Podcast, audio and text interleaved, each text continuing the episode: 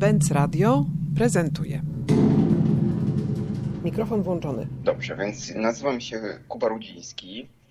Jestem szefem jednoosobowego studia graficznego Studio Lekko. Jestem grafikiem i specjalizuję się w typografii. W sensie uważam, że typografia jest um, fundamentem grafik designu i jego podstawowym elementem, z którego wynika wszystko inne. Dlatego zgłębiam ten temat. I co mnie bardzo y, ciekawi, to jest moment, w którym abstrakcyjny kształt staje się rozpoznawalnym znakiem i literą. Ja jestem przekonany, że litery, że kształt liter i styl niesie treść i e, nie tylko treść w znaczeniu słów, ale, ale również w kształcie i stylu samych liter. No właśnie, spotykamy się z tego powodu, że zaprojektowane przez Ciebie litery umieszczone w przestrzeni publicznej w bardzo poruszający sposób wywarły wpływ na to, jak wybory, które miały się odbyć 10 maja, zostały poddane takiej społecznej krytyce. Jesteś, krótko mówiąc, autorem liternictwa umieszczonego na pracy artystycznej, która krąży jako list. List, czyli odtworzenie listu Tadeusza Kantora, pracy z 1967 roku, która zaniesiona 6 maja tego roku do Sejmu z Poczty Głównej w Warszawie narobiła naprawdę bardzo, bardzo dużo zamieszania wokół debaty publicznej o tym, do jakiego stopnia nasze społeczne dobro czy też bezpieczeństwo zostało poddane, wystawione na niebezpieczeństwo przez nieodpowiedzialne decyzje polityków. Tutaj rzeczywiście mamy do czynienia z niezwykle ciekawym przykładem zastosowania liter, które podziałały bardzo mocno na wielu poziomach. Powiedz trochę więcej o tym, w jaki sposób ten fond tworzyłeś. Czy on powstał na tę okazję, czy już wcześniej nad nim pracowałeś? Jak on się nazywa? Fond nazywa się Transparent. Nie ukrywam, że został przemianowany po akcji, która tak wspaniale i takim sukcesem się, się zakończyła.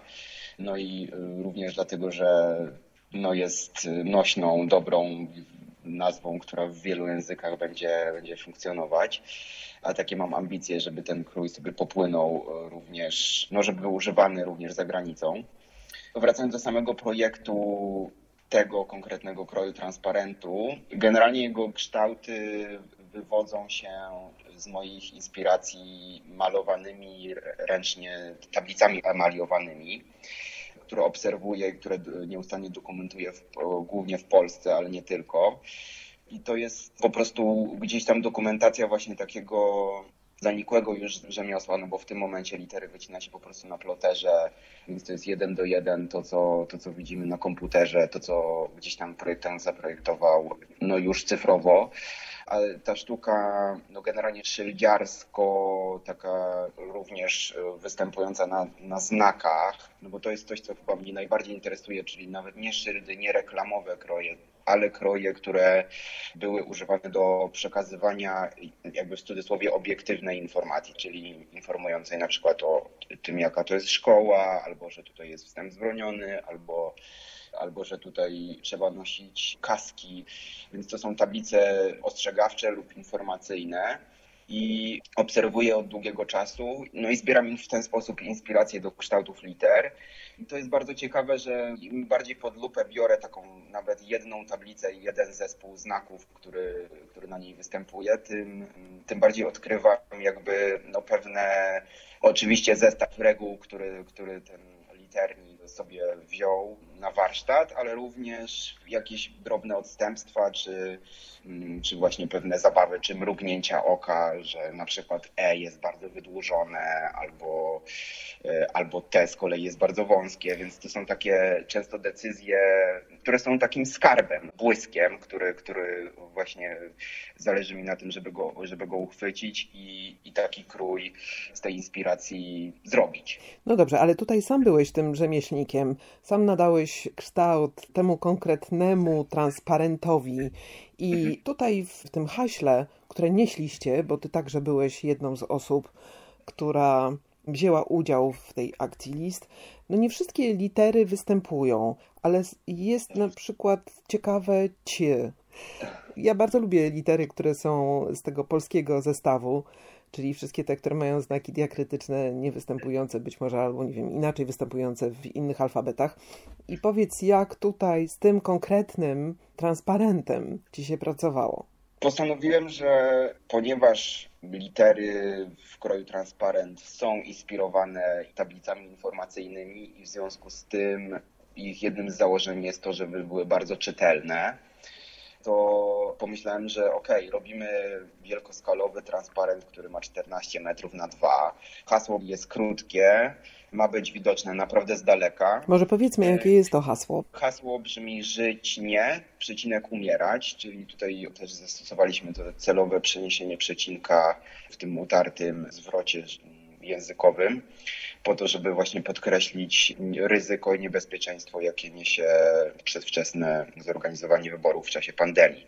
Zależało mi głównie na tej czytelności i na, na widoczności, a jednocześnie chodziło mi o to, żeby te litery były charakterne, żeby, żeby to nie było coś z automatu, coś po prostu, co możemy sobie wyciągnąć z pamięci komputera. Sam proces malowania listu, który trwał dwa pełne dni, praktycznie można powiedzieć około 20 godzin, też narzucił pewien projekt. Sam transparent jest całkowicie ręcznie zrobiony. Wszystkie elementy są, są po prostu wymalowane przez uczestników, w cudzysłowie listonoszy, którzy później list nieśli. Akurat się tak ułożyło, że byliśmy na tą okazję powstałym kolektywem artystów, kuratorów i ludzi związanych ze sztuką, szeroko rzecz biorąc.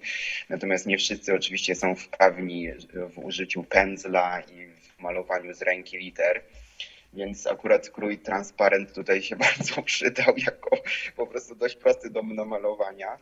I w związku z tym nadający się, no po akcji pojawiły się takie sugestie, żeby ten krój umieścić na otwartej licencji w internecie i żeby szczególnie grupy, które chcą protestować w dobrej sprawie, mogły tego kroju używać bez żadnych dodatkowych opłat.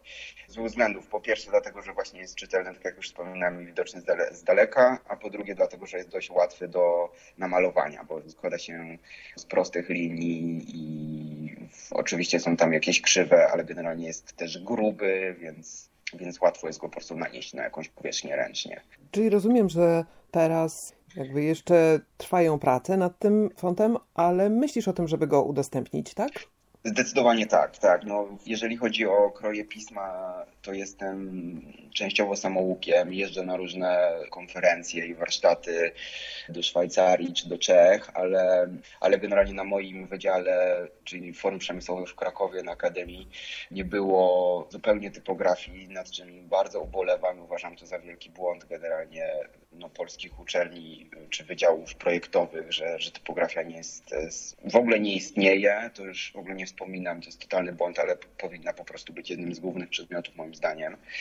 I no, w związku z tym jakby ta fascynacja gdzieś tam sam muszę ją rozwijać i sięgać do dostępnych środków i możliwości ale nauczyłem się już, czy tam cały czas się uczę, myślę, że to będzie nieustanny proces jakby rafinowania kształtów samych liter, a drugą sprawą jest kerning i spacing, czyli kerning to znaczy, to są tak zwane pary kerningowe, czyli pary każdego, każdego znaku z każdym tak żeby odległość pomiędzy, czy światło pomiędzyliterowe było zgrane, a spacing to jest światło w całym kroju, jakby taki last touch i to są rzeczy, których muszę się jeszcze nauczyć po prostu. I to manewrowanie światłem, czyli powiedzmy tym tłem, tą niewidoczną częścią kroju pisma, tą powiedzmy pustką, która ma równe znaczenie jak, jak sam kształt, ponieważ po prostu te kształty określa, jest czymś, czego muszę się jeszcze nauczyć. No i mam tutaj zagwozdkę, czy to komuś oddać, zlecić, czy jednak to nauczyć się i zrobić to samemu. Tym bardziej, że dochodzę coraz bardziej do wniosku, że to no, po prostu ma równe znaczenie, więc jakby projektowanie odstępów i tych przestrzeni ma duże znaczenie dla projektu. No ale w związku z tym termin premiery się przesuwa w przyszłość nieokreśloną, ponieważ no, wymaga to ode mnie po prostu zdobycia wiedzy na ten temat.